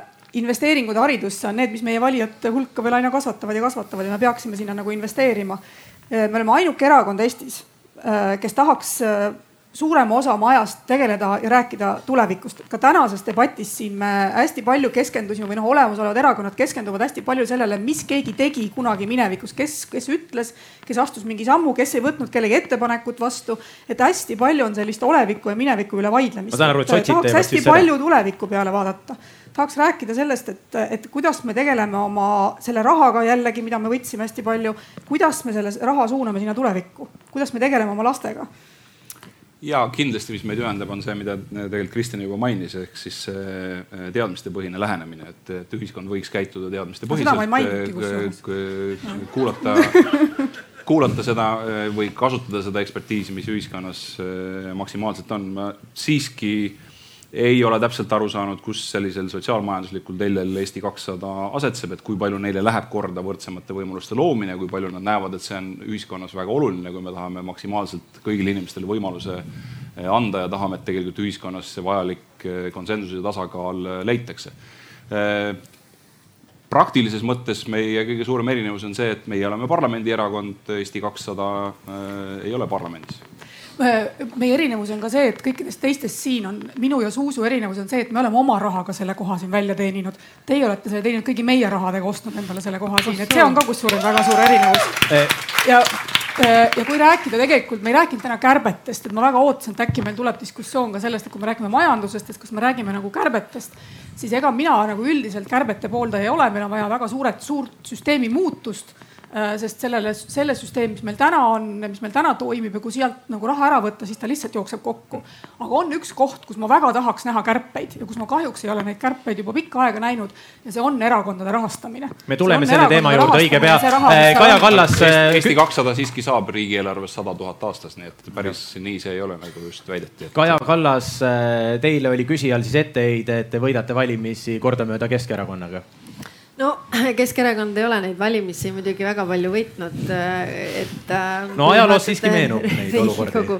viimaseid valimisi küll, äh, aga ega meie erinevused on väga selged, meie oleme Euroopa-meelne, avatud, tulevikku suunatud erakond. ja Züleyxa Izmailova, mis teid eristab siis, mis rohelisi eristab äh, sellest tulevikuerakonnast, kes moodustatakse kahest äh, teisest erakonnast mm? -hmm. et äh, ma korraks Kajale veel vast, vastaks, et Keskerakonnaga te kuulute siiski Euroopa äh, Parlamendis samasse fraktsiooni. et, et tegelikult teil ei ole väga suuri erinevusi, aga, aga see selleks. aga Sellega miks, see tegelikult see algne küsimus oli nagu see, et miks me ei liitu nende kahe erakonnaga, mis nüüd justkui jälle omavahel kokku lähevad, et nad nagu kõrvaltvaatajana jääb mulje, et nad läksid just nagu vahepeal lahku, onju. ja siis keegi teeb nalja selle kohta, et no nüüd lõpuks ometi Talvik paneb oma kaks leiba ühte kappi. et äh, aga meil on nagu väga keeruline eh, liituda seltskonnaga, kes ise ka ei tea, mille eest nad täpselt seisavad ja eh, meil on olulised ikkagi eh, inimeste õigused ja, ja ma ütleks, et me oleme ikka inimeste õiguse mõttes ikkagi liberaalid. aga nende kahe erakonna nagu kokkumineku selles dokumendis ma lugesin välja sõna konservatiivne ja, ja kahjuks mul on niisugune tunne, et need need kõik, äh, inimesed, inimesed nagu said aru, et äh, või noh, nagu neid on ähm, natuke petetud, et nad arvavadki, et selline asi on olemas nagu vaba konservatiivsus, et see on tegelikult Talviku välja mõeldud, et mina ei tea, et sihuke asi eksisteeriks, on ju, et, et väga keeruline, et me oleme ikkagi rohelised, me oleme klassikaline Euroopa roheline partei ja me seisame keskkonna eest ja, aga meil on ka inimeste õigused väga olulised. suurepärane, publiku küsimus juhatabki meid sisse viimase ploki juurde, milleks on siis poliitika tegemise viisid ehk et praegune valitsus on ametis olnud poolteist aastat, mäletame, kuidas valitsuse moodustamise ajal oli hulga siis neid, kes ei suutnud uskuda, et selline valitsuskoalitsioon moodustatakse, aga oli ka teine hulk, kes ütlesid, et tänu sellele ehitatakse sidusat ühiskonda. Proovime siis natuke aimu saada, et eh, kas rajatakse siis sellist õmblusteta, sidusat, avatud ühiskonda või millist ühiskonda praegune valitsus siis eh, kuidagi looma on asunud, et Martin Helme, Eesti Päevalehe peatoimetaja Urmo Soonvald kirjutas tänases lehes teile kokku üheksa küsimust USA advokaadibüroo valimise teemal.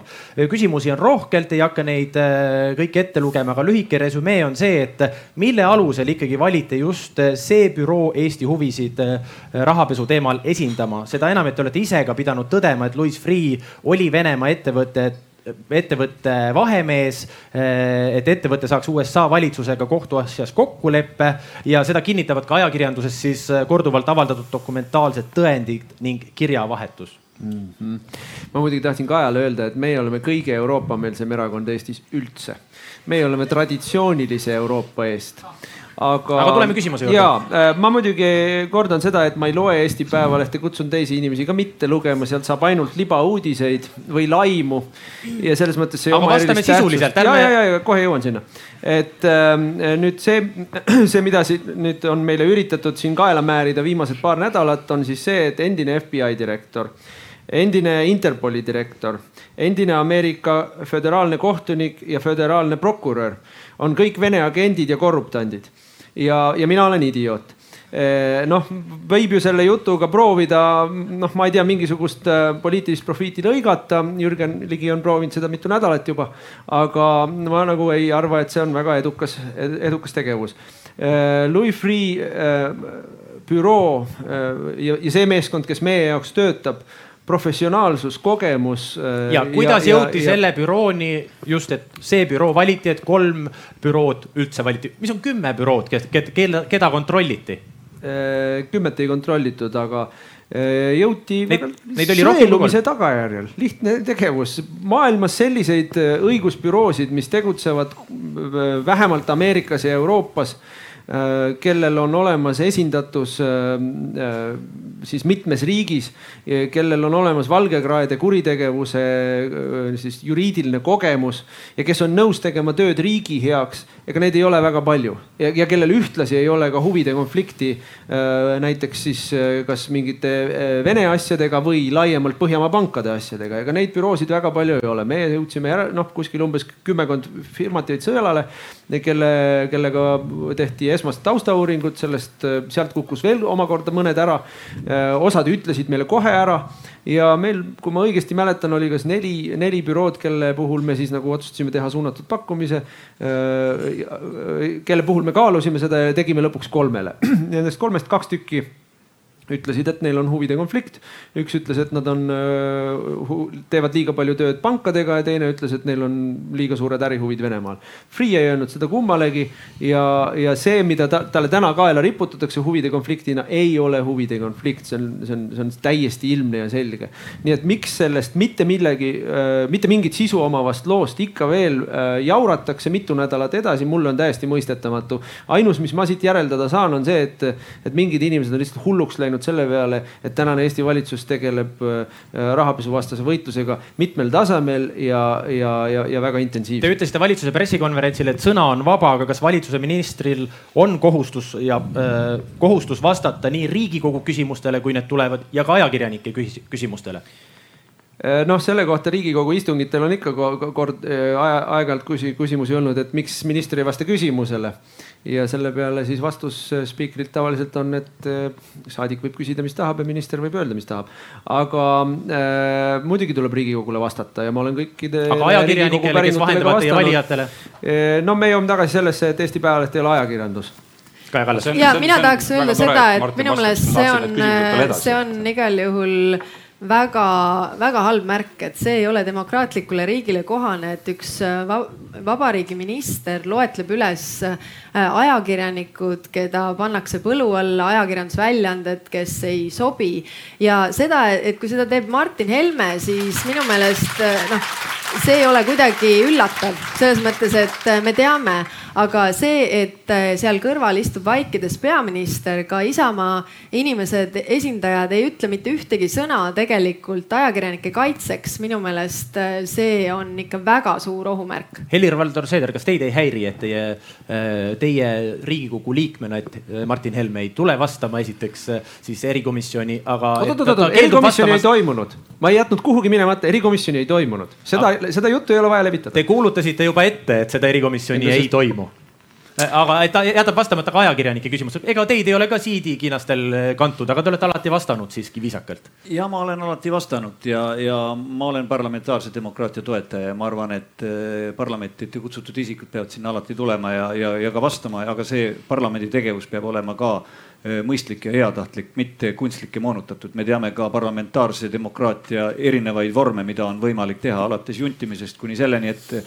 ühes ja samas küsimuses võib äh, igasse komisjoni kutsuda ministri ja loksutada teda, et see ei ole ka kindlasti ratsionaalne. nii et, et tuleb vaadata, mis on terve mõistuse seisukohalt äh, ka parlamentaarse protsessi juures niisugune heatahtlik ja, ja vastab heale poliitilisele kultuurile aga nüüd äh, suhetest ajakirjandusega äh, tuleb vaadata laiemat pilti ja sõnavabadus ja ajakirjandusvabadus ei alga mitte ainult sellest, et üks või teine poliitik ei taha vastata või, või ütleb midagi ajakirjanduse kohta, aga mina, mina tunnetan, et Eestis, aga mujal Euroopas ka, aga Eestis äh, on küll sõnavabadus natukene ohus ja, ja ajakirjandusvabadus ja see algab ajakirjandusest endast, kui ajakirjandus seatakse väljaspoole kriitikat. ehk öeldakse, et ajakirjandus on kriitikaväline ei ole, nii et eh, lugupeetud ajakirjanikud, nii nagu poliitikud, me võime neile küsida, me kritiseerime, nii on kritiseeritav ka ajakirjandus ja ajakirjanike käest võib küsida. ärme seda tabuteemaks teeme, sealt hakkab sõnavabaduse piiramine. Indrek Saar jah, siiski kuidagi selles tonaalsuses aimdub seda ühisosa, mis eh, Isamaal EKRE-ga on, kui siin räägite ennem erinevustest ja ühis, ühisosast, et, et ma loodan, et, et see, see ei tähenda seda, et, et et eh, Helir-Valdor eh, nüüd kuidagi eh, mõistaks, et see ongi normaalne käitumine tänapäeval, et, et minister ei vasta ajakirjanikule valitsuse pressikonverentsil, kes on akrediteeritud ajakirjanik ja vastupidi, naeruvääristab teda ja, ja sildistab.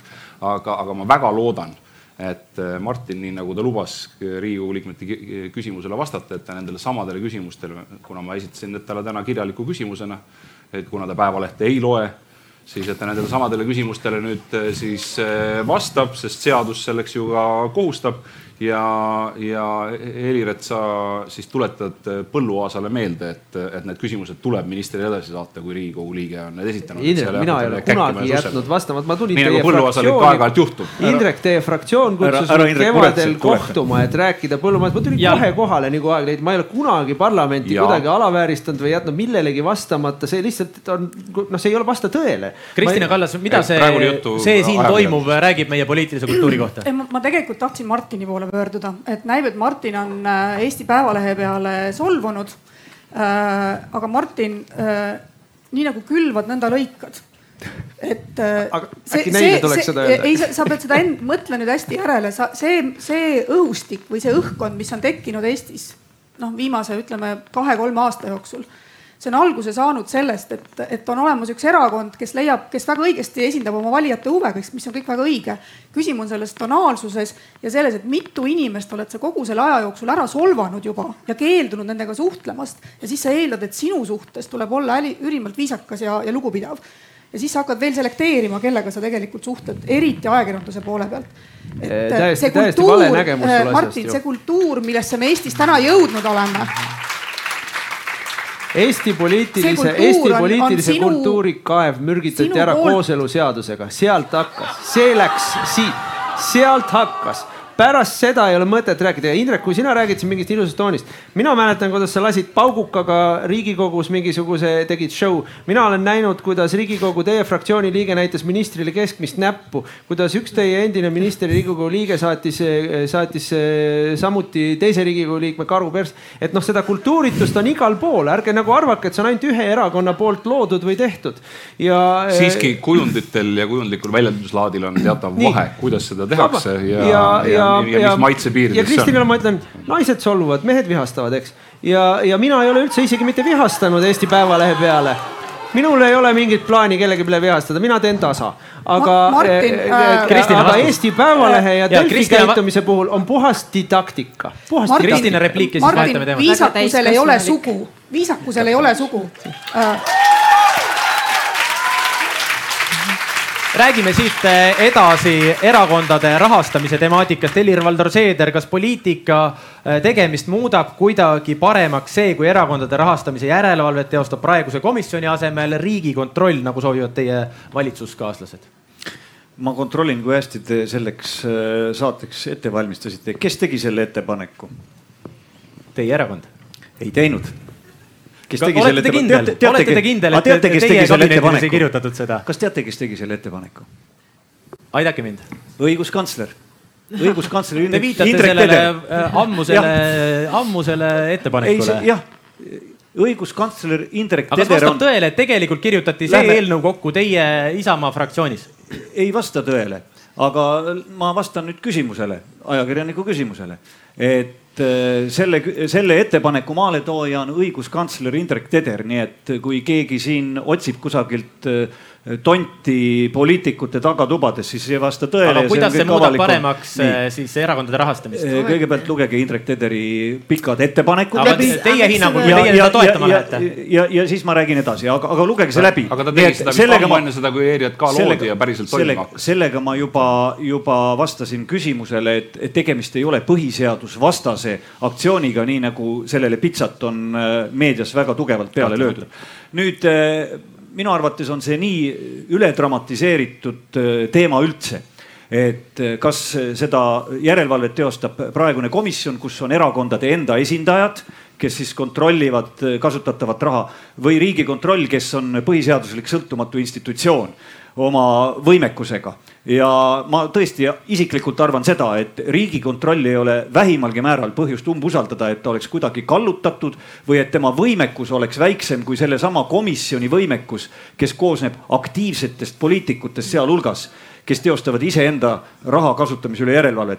mul ei ole küll mingit põhjust arvata, et riigikontroll oleks kuidagi viletsam. ma siiralt arvan, et riigikontroll, et riigikontrolli võimekus mm, -hmm. objektiivsus ja neutraalsus on täiesti tagatud ja garanteeritud. aga jah, esiteks äh, Indrek Tederi ettepanek oli tõepoolest ennem seda, kui oli üldse erakondade rahastamise järelevalve komisjon. Indrek Tederi äh, ettepanek tehti kujul, siis, kui tehti ettepanek. üks korra, Kaja räägib praegu. kui tehti esiteks, komisjon ja, ja Helir-Valdor, Helir-Valdor, palun, Kaja räägib praegu. ma ei ole vahele rääkinud, aga ma olen sunnitud vahele rääkima esimest korda. et, et teiseks. praegu ei, saate repliigiks sõna, saate repliigiks sõna, Kaja Kallas räägib. kasutama seda privileegi, mida saate jooksul on korduvalt kolleegid kasutanud. Helir-Valdor Seeder, palun. tegigi selle ettepaneku just alternatiivina komisjoni moodustamisele nii, teiseks äh,. teiseks on see, et äh, koalitsioonilepingus teil ei ole midagi selle kohta, ehk siis äh, hoplaa, see ettepanek tuli lauale siis, kui Keskerakonnal olid suured mured äh, erakondade rahastamise või nende enda erakonna rahastamisega ja siis justkui karistusaktsioonina tuldi selle ettepanekuga välja kohe peale seda.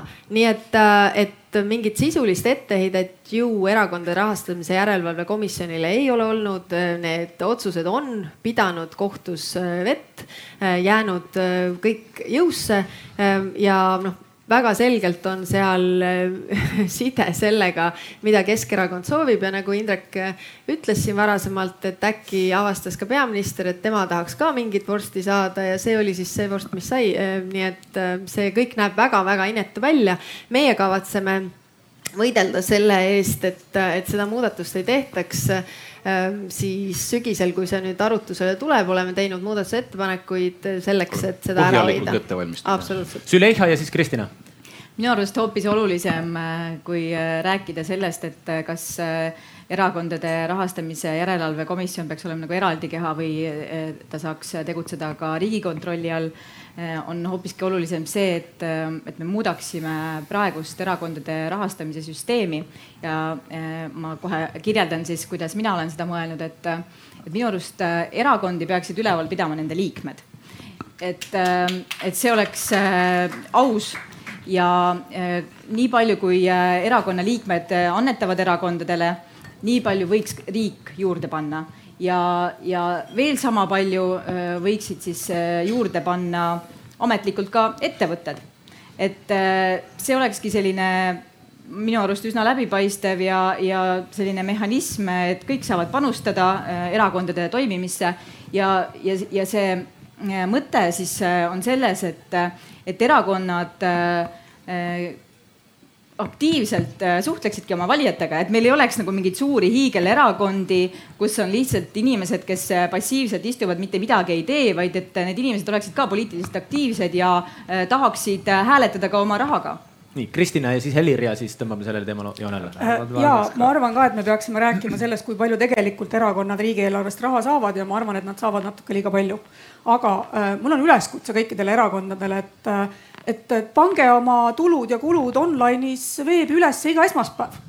pange nad lihtsalt ülesse ja siis kõik valijad ja, ja kõik, kes teile raha tegelikult annetavad ja maksumaksjad näevad, kuidas te raha saate kuidas te raha kulutate et me ei vaidle siis pärast selle üle, et. Äh, aga me, me paneme ju iga kord, kord kvartalis. Te teete, te teete aruandeid, mida te esitate erakondade rahastamise järelevalve komisjonile kvartaalselt ja tavaliselt on see pärast valimisi. pange, pange online'is ülesse iga esmaspäev, palju te saite raha, palju te olete kulutanud raha. olge palun ise läbipaistvad. vastab sellele siis äh, kriitikale, mis tuli lühidalt ja siis Martin Helme saab ka rahastamise teemal sõna minust on nüüd kujunenud siin selle eelnõu advokaat või, või siin Keskerakonna rahastamise advokaat ei ole et see ei ole ka meie initsiatiiv olnud, aga ma veel kord kordan, et see on üledramatiseeritud teema, see ei ole kindlasti Eesti riigis nii kuum ja oluline teema, kui palju talle on tähelepanu. väga hea, siis ärme pühenda rohkem aega. aga küsimus oli, et te tõstatasite teema.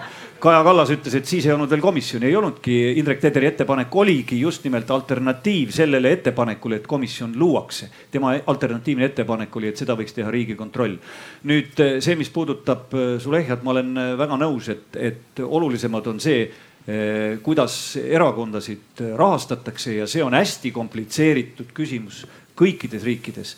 ja see ei ole nii lihtne, et eh, erakonna liikmed rahastage ennast ise ja on teie asi, kuidas erakonnad toimetavad, et mina võin öelda, et riiki võib väga odavalt pidada, kui täna kuulutada välja vähempakkumine ministri ametikohtade täitmisele, siis ma usun, et me saame valitsuse, kus kõik ametikohad täidetakse ühiskondlikus korras rikkad, jõukad ärimehed ja muud tegelased teevad seda täiesti ühiskondlikel alustel. nii et, et nii primitiivselt riigi juhtimisele ja, ja, ja ka nii-öelda parlamentaarse demokraatia rahastamisse suhtuda kindlasti ei saa. ja ma selles mõttes ütlen, meie erakonna seisukoht on olnud läbivalt, et erakondade rahastamist võiks vähendada ja me jätkuvalt arvame seda ja kui see ettepanek tuleb, me toetame seda. aga see, seda ettepanekut kuskilt ei paista tulevat ja noh, me ei lähe ka üksinda seda tegema. ei no mis me teeme üksinda, kui me teame. ma toetan Martin. aitäh nüüd äh, teine asi on see, et ähm, ma olen täiesti nõus Heliriga, et äh, see kogu see teema on absurdselt üle dramatiseeritud, siin mingisugused ahastavad hüüatused sellest, kuidas Eesti õigusriik on ohus. tegelikult on ohus kaks sotsiaaldemokraatlikku töökohta lihtsalt, et äh, kogu lugu ja, ja sealt ja sealt need viiskümmend tuhat parandusettepanekut ikkagi. ja mina ütleksin ka see, mis, mis see väide siin oli, et. millest sa räägid? sa räägid komisjoni no, liikmetest? ja, ja just nimelt, just nimelt, kahe sotsiaaldemokraadi töökohad oleks täpsem öelda. aga oot, oot, oot, ma tahtsin ühe asja veel öelda, see väide sellest, et nüüd me tormasime seda eh, muudatust tegema sellepärast, et Keskerakonnal on rahahädad, andke andeks. kõigil erakondadel peale Konservatiivse Rahvaerakonna on rahahädad, et noh, see, see, neid ei erista küll. kõige parem bilansiseis on ikka Isamaal. Äh, vaata otsa. meil on parem. ei ole. aga teate. Teil on reiting parem, rahaseis küll teil parem. head erakondade juhid, äh, sel suvel küttis kirgi ju ka Keskerakonnas tõesti see rahastamise teema, mille puhul äh, ei oldud siis ei olnud kindlad, ütleme, annetaja motiivid ja kuna Keskerakonda siin praegu ei ole, ma detailidesse laskuma ei hakka, aga selle asemel ma mõtlesin, et noh, väike sirutusharjutus teilegi, et, et palun kõigil erakonna juhtidel tõsta käsi juhul, kui teie erakonda toodud raha ei ole olnud kunagi varjatus, varjatud annetus ehk toodud erakonda nii-öelda musta rahana mis see küsimus nüüd oli? kas sa oled võtnud musta raha või Kas- ei ole? kui te ei ole võtnud kunagi musta raha, siis tõstke käsi. meie isiklikult. Ei, ei, ei, erakonda. erakond, mina olen erakonnas alates kahe tuhande kümnendast aastast. Te siis järelikult ei tea lihtsalt. ei saa vastutada kogu erakonna. aga teised võite mürki võtta, teie erakonda ei ole musta raha tulnud. no jälle noh, kaks tuhat üksteist aastast ette, tahapoole ma ei oska vastata no no mina olen küll nüüd Isamaa asutajaliige, ma peaks siis algusest peale teadma, aga ma võin küll öelda, et ei tea küll sellisest rahast midagi. kui diversandid on sokutanud musta raha, siis on, aga ei.... küll, küll aga tuleb öelda seda, et näiteks meie kõige suurem annetus, kui ma õigesti mäletan, noh seal kuskil kümne tuhande piiris, äkki oli kaksteist tuhat või midagi taolist, et kui nii suur sumps laekub arvele, siis noh, mina igatahes märkan seda. aga selle arutelu lõpetuseks, järgmine aasta on valimiste aasta, valitakse nii kohalikke omavalitsuse, omavalitsusi, kus siis hiljuti loodud tehtud äh, vallad ja linnad on hakanud vaikselt käima saama, aga paljusid huvitab aga hoopiski see küsimus, kellest saab Eesti järgmine president, sest ka presidenti valitakse järgmisel aastal. Ja Kaja Kallas, et mis te arvaksite sellest võimalikust lahenduskäigust, et teie Reformierakonnana teete Keskerakonnaga kokkuleppe, mille kohaselt valitakse teie kandidaat Keskerakonna toel presidendiks ja seejärel toimuks siis võimupööre valitsuses, kus koalitsiooni moodustaks Reformierakond ja Keskerakond ning peaministrina jätkaks Jüri Ratas ja, jah praegu on küll niimoodi, et äh, koalitsioon on asunud äh, otsima koalitsioonikandidaati presidendiks, et, et me teame seda, et Riigikogus seda presidenti ilma meie häälteta ära ei vali, aga jah, tõepoolest meiega sellel teemal. kuidas ei, see ei minu räägita. pakutud visioon praegu oli?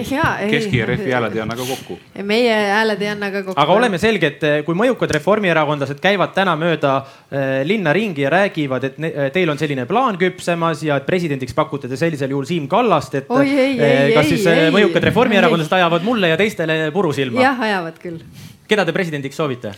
me soovime tugeva selgrooga läänemeelset avatud ühiskonna pooldajat presidenti. Helir-Valdor Seeder, mida teha selleks, et presidendivalimistel ei korduks see, mis juba siis viimastel valimistel oli? No ega viimastel valimistel ju mingit tragöödiat ei juhtunud, kui te protseduuriliselt silmas peate, et kõik oli põhiseaduse ja seaduste raamides, et midagi ebaseaduslikku ei toiminud ja kui me vaatame, kuidas valitakse presidente erinevates riikides, mõnel pool on kümneid voore valitakse, nii et see, et Eestis tuli ta valijakogust tagasi parlamenti, on ka üks põhiseaduslik. aga kes on Isamaa kandidaat? Meil ei ole veel kandidaati, aga me tahaksime valida eestimeelse presidendi, kes näeb maailma tervikuna ja, ja näeb Eesti kohta Euroopas. aga ma ütlen, Helir, tragöödia oli see, mis lõpuks välja tuli. Martin Helme, kes on EKRE kandidaat? Meil on mitu head inimest, kes võiksid väga hästi hakkama saada presidendi ametiga, see on kindel. aga ma arvan, et seda ütlevad peaaegu kõik siin laua ääres. et vast noh, ma ütleks niimoodi, et alustaks sellest, et esimene eesmärk on, et ma võiksin öelda, kes ei tohiks jätkata, eks siis järgmine etapp oleks see, et tõepoolest me tegelikult peaksime ennem kui me hakkame nimesid välja käima, me peaksime ära kirjeldama, mida me presidendist ootame. et mis see roll on, mida ta täidab, et kas see on, kas see on see roll, mis me praegu näeme, kus on põhiseadust rikkudes kogu aeg päevapoliitikasse sekkumine mis minu meelest ei ole hea roll või see on vastupidi, selline ikkagi ühiskonda tasakaalustav ja, ja, ja kokkusiduv roll, minu meelest seda võiks püüelda. ja, ja, ja siis, kui me nagu selle rolli lepime kokku või saame vähemalt selgeks, mida me taga ajame, mida me tahame saavutada, siis me saame hakata sinna otsima inimest taha, kes sellesse rolli sobib. aga, aga jah, ma tean täpselt ühte inimest, kes ei sobi jah. Indrek Saar, kes on teie, teie kandidaat? Oi, meil on palju häid kandidaate, et seal ei ole küsimust, aga muideks, et selle koalitsioon muideks, kui siin oli juttu, et neil keva, kiirel kevadel jätkus aega ERJK-ga tegeleda, mis on tõesti ju Eesti demokraatia arengu kohalt ja selle kriisi haldamise kohalt kindlasti jutumärkides prioriteetne küsimus. Siis nad muuhulgas vaikselt lasid üle selle tähtaja, mida, mis puudutab presidendivalimist, valimiste seaduse muutmist kuigi nad olid kõik hardas üksmeeles ennem kinnitanud, et seal tuleb kindlasti teha muudatusi ja üks nendest põhilistest asjadest on toimunud haldusreform ja kuna need muudatused jäid tegemata, siis nüüd on valijameeste kogu hoopis teistsugustes proportsioonides, ehk kui ennem oli seal üle kahesaja kolmekümne, kakssada kolmkümmend neli kohalike omavalitsuste esindajat eelmisel korral, siis seekord saab neid olema seal ainult sada ehk siis sama palju kui Riigikogu liikmeid.